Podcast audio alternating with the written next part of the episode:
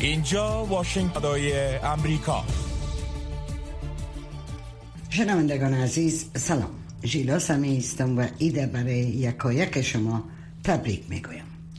برنامه امروز دوشنبه دوم ماه سال 2022 میلادی از رادیو آشنا صدای امریکا را مشنوید در این برنامه گزارش ها و مصاحبه های را در ارتباط به وضعیت جاری در افغانستان و جهان خواهید شنید.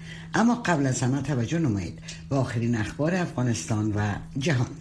سراجدین افغانی سرپرست وزارت داخله طالبان در پیام ایدی خود گفت کسانی که از فرمان عفو عمومی ملا الله آخونزاده رهبر طالبان سرپیچی کردند مطابق شریعت اسلامی محاکمه می شوند این پیام که از طریق گروپ واتساپ این وزارت با رسانه ها شریک شده در آن آمده است کسانی که این فرمان را نقض کردند و احساسات خود را بر اصول ترجیح دادند مطابق احکام شریعت اسلامی محاکمه می شوند این نخستین بار است که یک مقام بلند طالبان و این وزارت در این مورد سخن می زند. پیش از این حکومت طالبان ادعای کشتن و شکنجه شمار از کارمندان و نظامیان نظام پیشین را یا رد کرده و یا گفته بودند در مورد آن تحقیق می کنند. آخرین تحولات از جنگ در اوکراین اخبار را ادامه می دیم. رئیس جمهور اوکراین عصر یکشنبه اعلام کرد که تاکنون حدود 100 غیر نظامی از فابریکه فولاد آزوفستال در ماریوپول تخلیه شدند. ولودمیر زلنسکی در تویت نوشت که گروهی نخست متشکل از صد غیر نظامی پس از تخلیه آزم منطقه تحت کنترل نیروهای اوکراینی شدند و امروز دوشنبه در زاپوریژیا با آنها ملاقات خواهد کرد. یک سخنگوی سازمان ملل متحد گفته بود که در حال حاضر عملیات تخلیه غیر نظامیان از این شهر بندری در جریان است. روسیه کنترل بندر ماریوپول را در اختیار دارد. و گزارش ها کیست کم بکنون حدود هزار نفر در فابریکه فولاد این شهر که به دستور پوتین معاصره شده است گرفتار شدند آزوفستال فابریکه بزرگ شامل پناهگاه ها و تونل هاست که برای مقاومت در برابر حملات نظامی در دوره سلطه جوزف استالین رهبر اتحاد جماهیر شوروی سابق طراحی و تأسیس شد. شهر بندری ماریوپول در جنوب اوکراین از حدود دو ماه پیش در معاصره نیروهای روسیه است و تا این مدت در پی حملات مداوم اردوی روسیه تبدیل به ویرانه شده است. گزارش ها آکیست که غیر نظامیان که تا کنون موفق به تخلیه شهر نشدند با کمبود آب مواد غذایی و لوازم بهداشتی دست و پنجه نرم می کنند و بحران انسانی این شهر را تهدید می کند آنتونیو گوترش سرمنشی سازمان ملل متحد پنجشنبه هفته گذشته پس از دیدار با ولودیمیر زلنسکی رئیس جمهور اوکراین خبر داد که مذاکرات فشرده برای مهیا سازی تخلیه غیر نظامیان از آزوفستال در جریان است. همزمان با سفر یک دیپلمات ارشد امریکا به کیف برای دیدار با ولودیمیر زلنسکی وزارت دفاع روسیه روز یکشنبه اعلام کرد که اردو این کشور معموله تسلیحاتی را که توسط ایالات متحده و کشورهای اروپایی متحد ناتو در حال انتقال به اوکراین بود هدف قرار داد. این وزارتخانه مدعی است که دو مفکن سوخوی 24 اوکراینی را طی عملیات شبانه بر فراز منطقه خارکیف سرنگون کرده است. روسیه همچنین تایید کرد که یک میدان هوایی نظامی در نزدیکی شهر بندری اودسا در جنوب اوکراین در پی حمله راکتی روسیه ویران شده است. با افزایش تنش میان مسکو و غرب وزیر خارجه روسیه در مصاحبه با شنوا خبرگزاری رسمی چین بار دیگر تهدید کرد که امریکا و متحدان سازمان پیمان اتلانتیک شمالی یا ناتو باید ارسال تجهیزات نظامی به اوکراین را متوقف کنند. سرگی لاواروف گفته است اگر ایالات متحده و ناتو واقعا خواهان حل فصل بحران جاری در اوکراین هستند باید از تامین اصطلاح و مهمات برای کیف دست بردارند.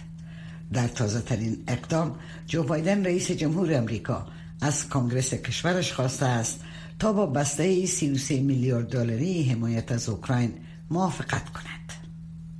ادامه اخبار از رادیو آشنا صدای امریکا منابع روز یکشنبه گفتند که اتحادیه اروپا ممنوعیت واردات نفت روسیه را به عنوان بخشی از دور جدید تحریم ها علیه روسیه و دلیل تهاجم این کشور به اوکراین پیشنهاد خواهد کرد. و گفته دیپلمات ها کمیسیون اروپا که تحریم ها را برای این اتحادیه تنظیم می کند در حال حاضر متن را آماده می کند که می تواند از روز چهارشنبه در اختیار 27 کشور عضو قرار گیرد.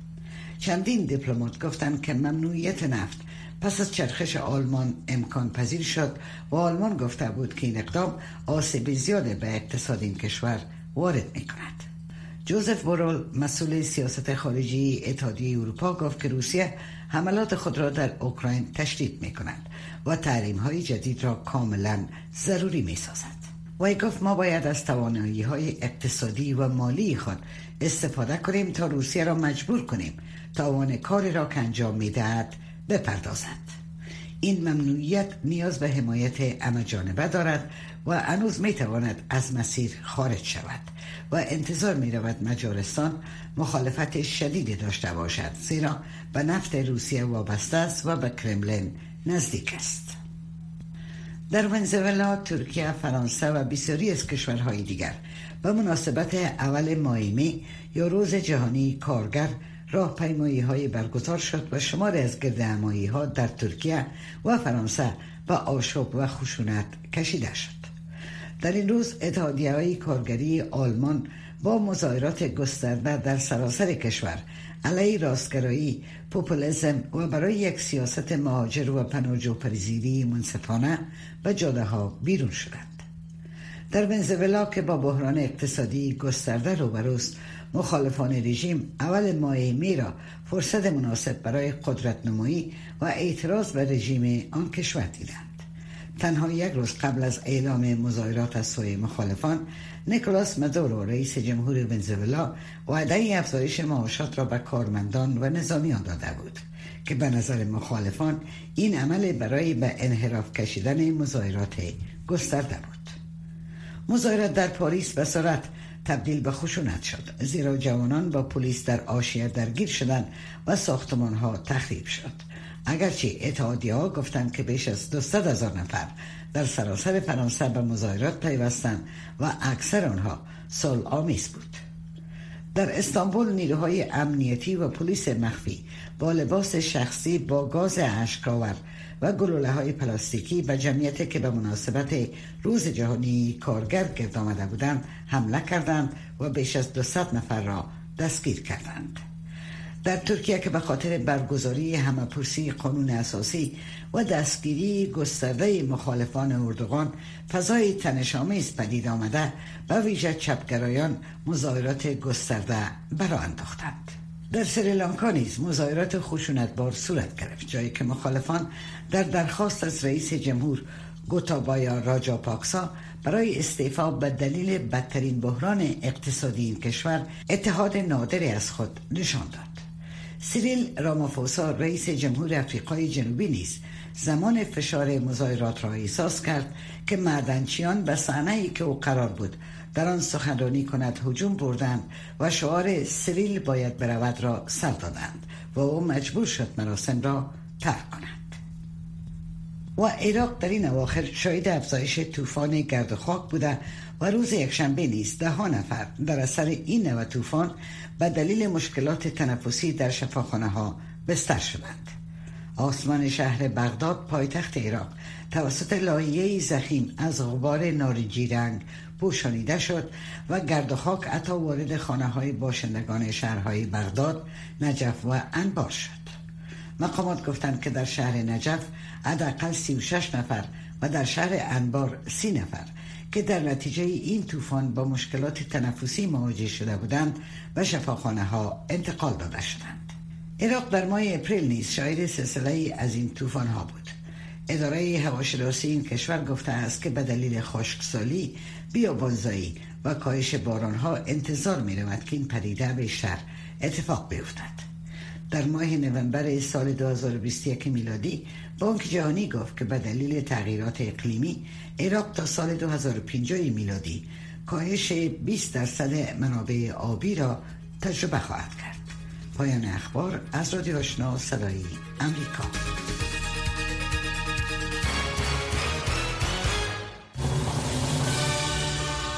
رادیو آشنا صدای امریکا. منبع موثق خبرها و گزارش های جهان و افغانستان.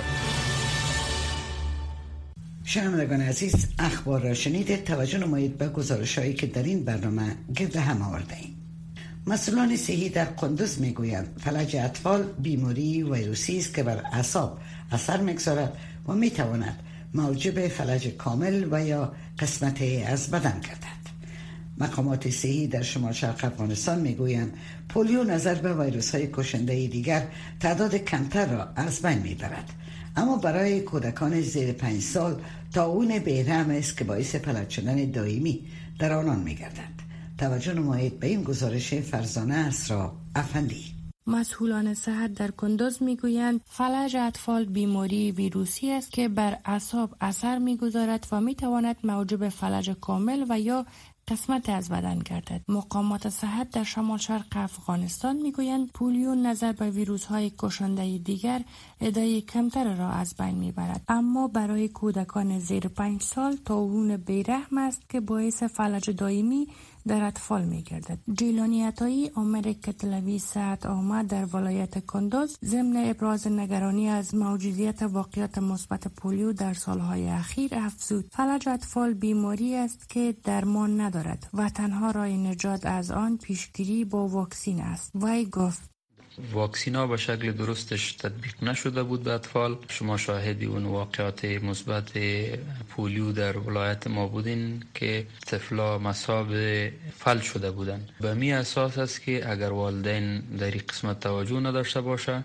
یقینا که طفلا مصاب به مردم در ولایت کندوز از اکثر خانواده هایی که در مناطق دوردست زندگی می کنند و دسترسی به دکتر کمتر دارند می‌خواهند تا با آمدن واکسیناتوران پشت منازلشان کودکان خود را پنهان نکرده هرچی زودتر واکسین پولیو نمایند سخی باشنده ولسوالی خاناباد گندز است. و می‌گوید در مورد چند واقع مثبت پولیو در ولایت شنیده و نگران است که با بیتوجهی خانواده ها واقعیات بیشتر نشود. اما در پهلوی آن خوشبین آینده کودکان خودش است. چون امواره در مقابل واکسین کودکانش توجهی جدی دارد. و از خانواده ها می خواهد که لطفا لطفا این مرض مهلک و کشنده را جدی بگیرن و هر باری که تیمی رضاکارانه پولیو که به در خانه هایشان میان لطفا طفل های خودشان را واکسین گلجان باشنده ولایت کندز است و می‌گوید در گذشته ها که من خاردسن بودم ویروس های مختلف و کشنده از جمله سرخکان چیچک، آبله، فلج اطفال امراض بودند که جان بیشتر کودکان را می گرفت و خانواده ها هم دسترسی به دکتر و دوا نداشتند. اما حالا جای خوشبختی است که با چکاندن دو قطره واکسین اطفال محفوظ میمانند. وی گفت بازگذاری خاص دارم از کسانی که پشت دروازه ها میان به خاطر واکسین امید از همه کس اجازه بدن که واکسین را انجام بدن کارشناسان بخش صحت ریشکنی پولیو در افغانستان را در مبارزه مداوم از طریقه های مختلف و همکاری مجانبه خانواده ها دانسته و از مردم خواهان افضل صحی محیطی و تطبیق واکسین ها برای سلامتی صحت کودکان شدند. اسرا افندی رادیو آشنا صدای امریکا کندوز رادیو آشنا صدای امریکا هفت روز هفته خبر و گزارش ها و تحلیل های خبری روز. گزارش بعدی ما. رهبر طالبان از جامعه جهانی خواسته است که باید امارات اسلامی افغانستان را به رسمیت بشناسند تا همه مشکلات خود را در چارچوب نرمها و اصول دیپلماتیک به گونه رسمی و مسئولانه حل نمایند. در حالی که تنش های لفظی بین حکومت طالبان و کشورهای همسایه چون ایران و پاکستان رو به افزایش است طالبان تا چی اندازه قادرند بر اوضاع کنترل داشته و امنیت را تامین کنند؟ همکارم نسرین محمود عزیزی در این مورد مصاحبه با آقای خلیل رومان تحلیلگر امور سیاسی انجام داده است که به توجه رسانیده می شود جناب آقای رومان طالبان میگن که کسی در امور داخلی ما مداخله نکنه. هدف طالبان از مداخله چی است؟ اقتصادی است نظامی است یا سایر پالیسی ها؟ با سلام به شما و بینندگان شما. می‌دانید که مداخله تعریف خاص خود داره در مجامع بینالمللی و در میساقا و کنوانسیون های بینالمللی و همچنان در اعلامی جهانی حقوق بشر این اول هر صورت. هدف از طالبا از اینکه میگن مداخله نکنن همین است که وقت شما می‌دانید که در شناختن رسمیت اینها جهان یک سلسله شرط های را گذاشت که او عبارت بود از داشتن یک حکومت دارای قایده وسیع و همچنان شناسایی حقوق بشر و یک سلسله مسائل دیگی در امیر ردیف حقوق بشری و اینا. طالب را یک نوع مداخله در امور داخلی خود فکر می‌کردن به زعم خودشان و امی است که گاه ناگاهی ایره مطرح می‌کنن که جهان در امور داخلی ما مداخله می‌کنه. در حال که به صورت آشکار و واضح دیده میشه که امر نهی از کشور پاکستان می‌بره و کشور پاکستان لاویگری های می‌کنه که افغانستان او را باید در مجامع بین یا منطقه انجام بده. ولی این مداخله آشکار از چشم پوشی می‌کنه در حال که شناختن حقوق بشر و رعایت حقوق بشر و همچنان داشتن یک حکومت وسیع از خواستهای جهانی است که باید بر بر و به نظر شما طالبات تا چه اندازه قادر هستند که بر اوضاع در داخل کشور کنترل داشته باشند؟ هر چیز به صورت نسبی اگر ببینیم که در گذشته ها اهمیتی وجود نداشت و یکی از عامل های مختل کردن امنیت خود طالبا بودن و در این حال اگر طالبا را هم به محاسبه نمی گرفتیم از لازم مختل کردن امنیت موجودیت کانون های مختلف مسلح از جانب نیروهایی که به شکل از اشکال باز در کاسه دولت هم دست می بودن سبب بیامنیتی در محلات و در شهر کابل می شد اما حضور طالبان در افغانستان واقعیت این است که امنیت یک دست ساخت و حداقل امنیت فیزیکی را تامین کرد در حال حاضر یگانه تشویشی که وجود داره آنچه که گفته می شود از حملات و انفجارهایی است که از جانب داعش سر می‌زنه. ولی به صورت مجموع طالبا در تمام قلم را افغانستان حاکم هستند که از این می‌کنیم که امنیت نسبی را بهتر بدانیم به صورت مقایسه با گذشته. در این حال طالبان میگن که به هیچ گونه فشار تن نمیتن. در حالی که قبلا امریکا و کشورهای غربی به طالبان گفته بودند که اگر شما در صدد کسب مشروعیت جهانی هستین باید حکومت همه شمول طوری که بیشتر اشاره کردین ایجاد بکنن و به حقوق شهروندای افغانستان و شمول حقوق زنا احترام بگذارن. این مسئله بالاخره به کجا می‌رسه؟ طالبان هم در بیان موازیشان یک دست عمل نمی کنند چنان که در کردارهایشان در داخل کشور نیست یک دست عمل نمی کنند برخی از طالبان که به صورت نسبی می‌تونم بگویم که آنانی که در وزارت خارجه و در ریاست هستند اونا یعنی زیادتر خواهان همکاری و تحمل و تعامل با جامعه بینالمللی هستند.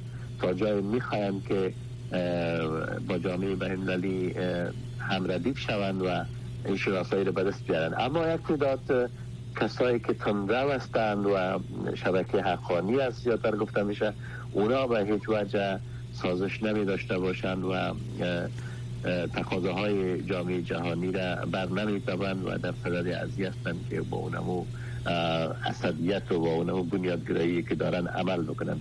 اما من می‌کنم که این تا دراز مدت دوام نمی‌کنه دیر یا زود شاید جهان در مورد طالبان تصمیم بگیره که اونا رو به رسمیت نشناسه یا به صورت قطع به رسمیت شاید هم شرایط خود واضح تر بیان بکنه. سپاس گذار از شما. تشکر از وقتتان جناب آقای رومان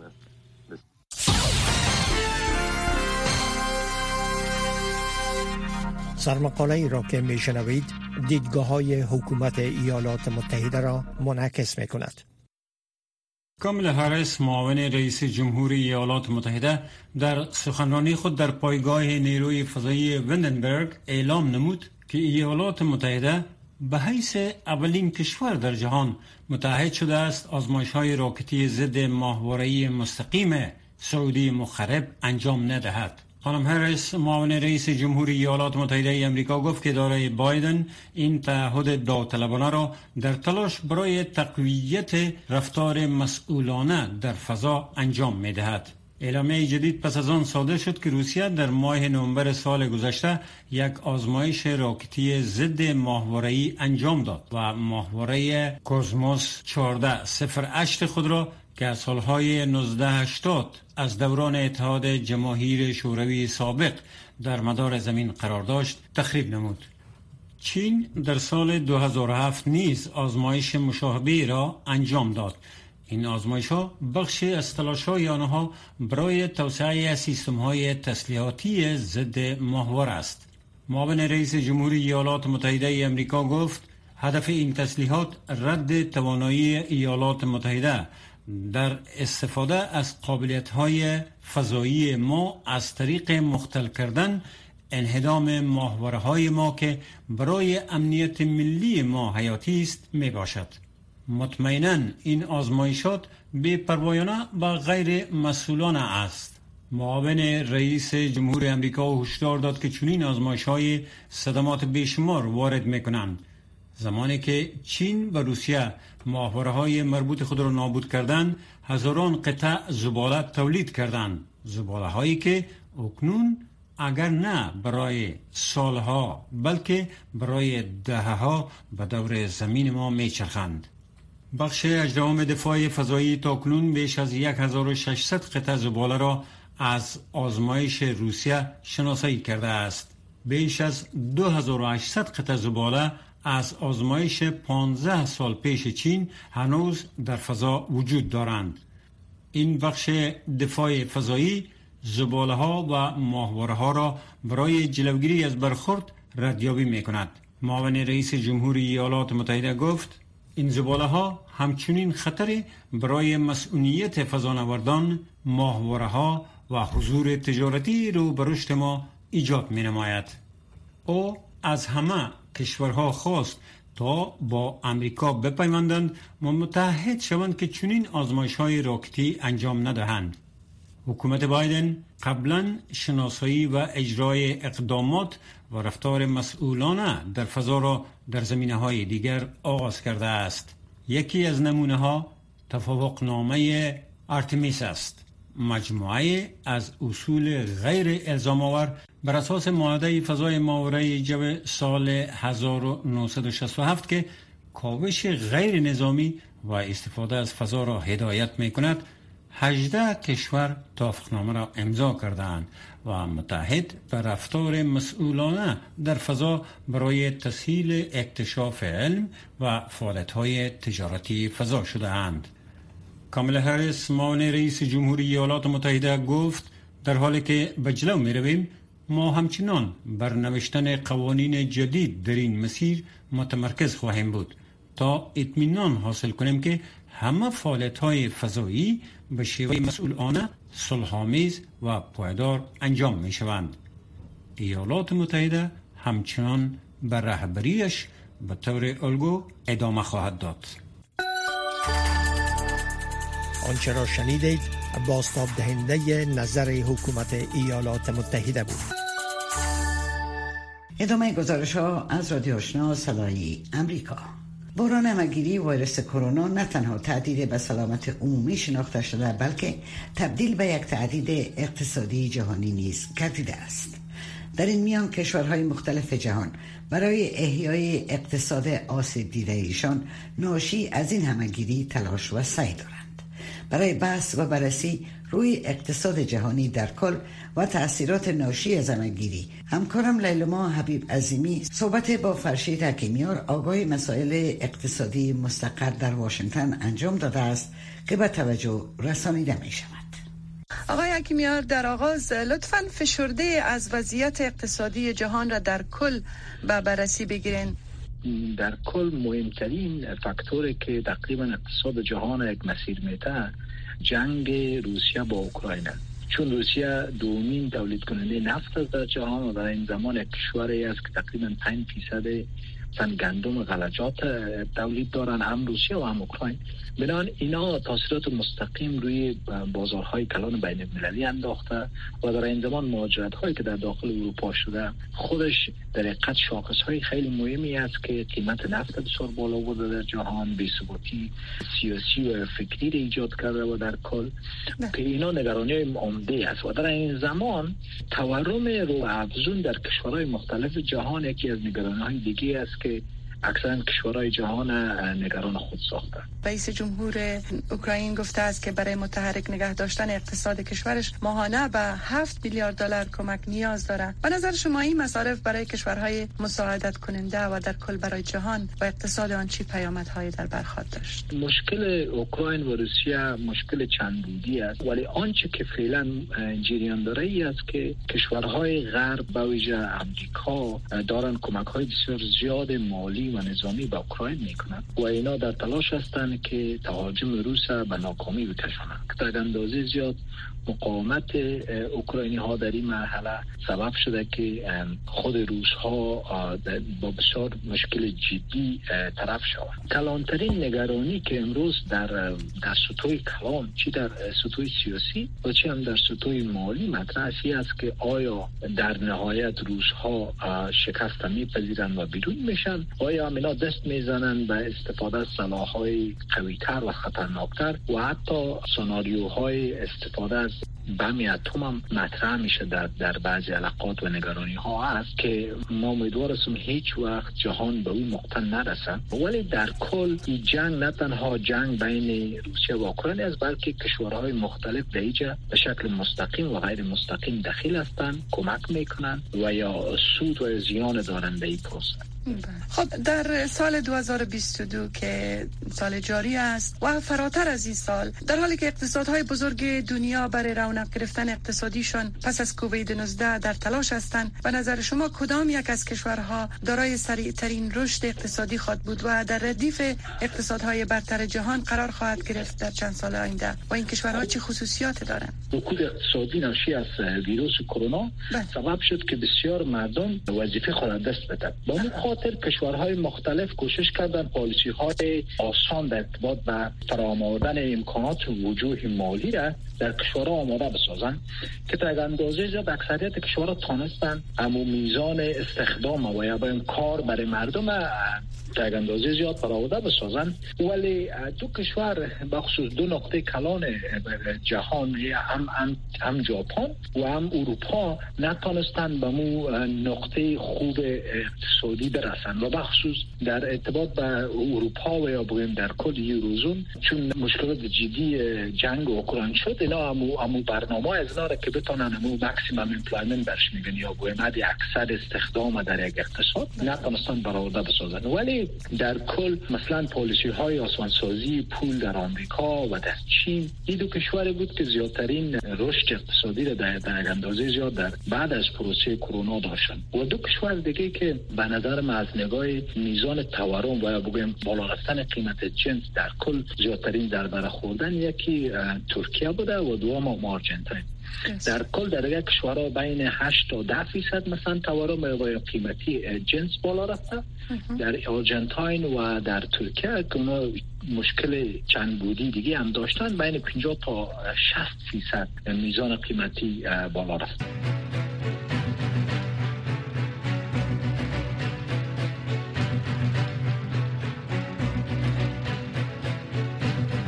شنوندگان گرامی برنامه های صبحگاهی رادیو آشنا صدای امریکا از واشنگتن در اینجا به پایان رسید.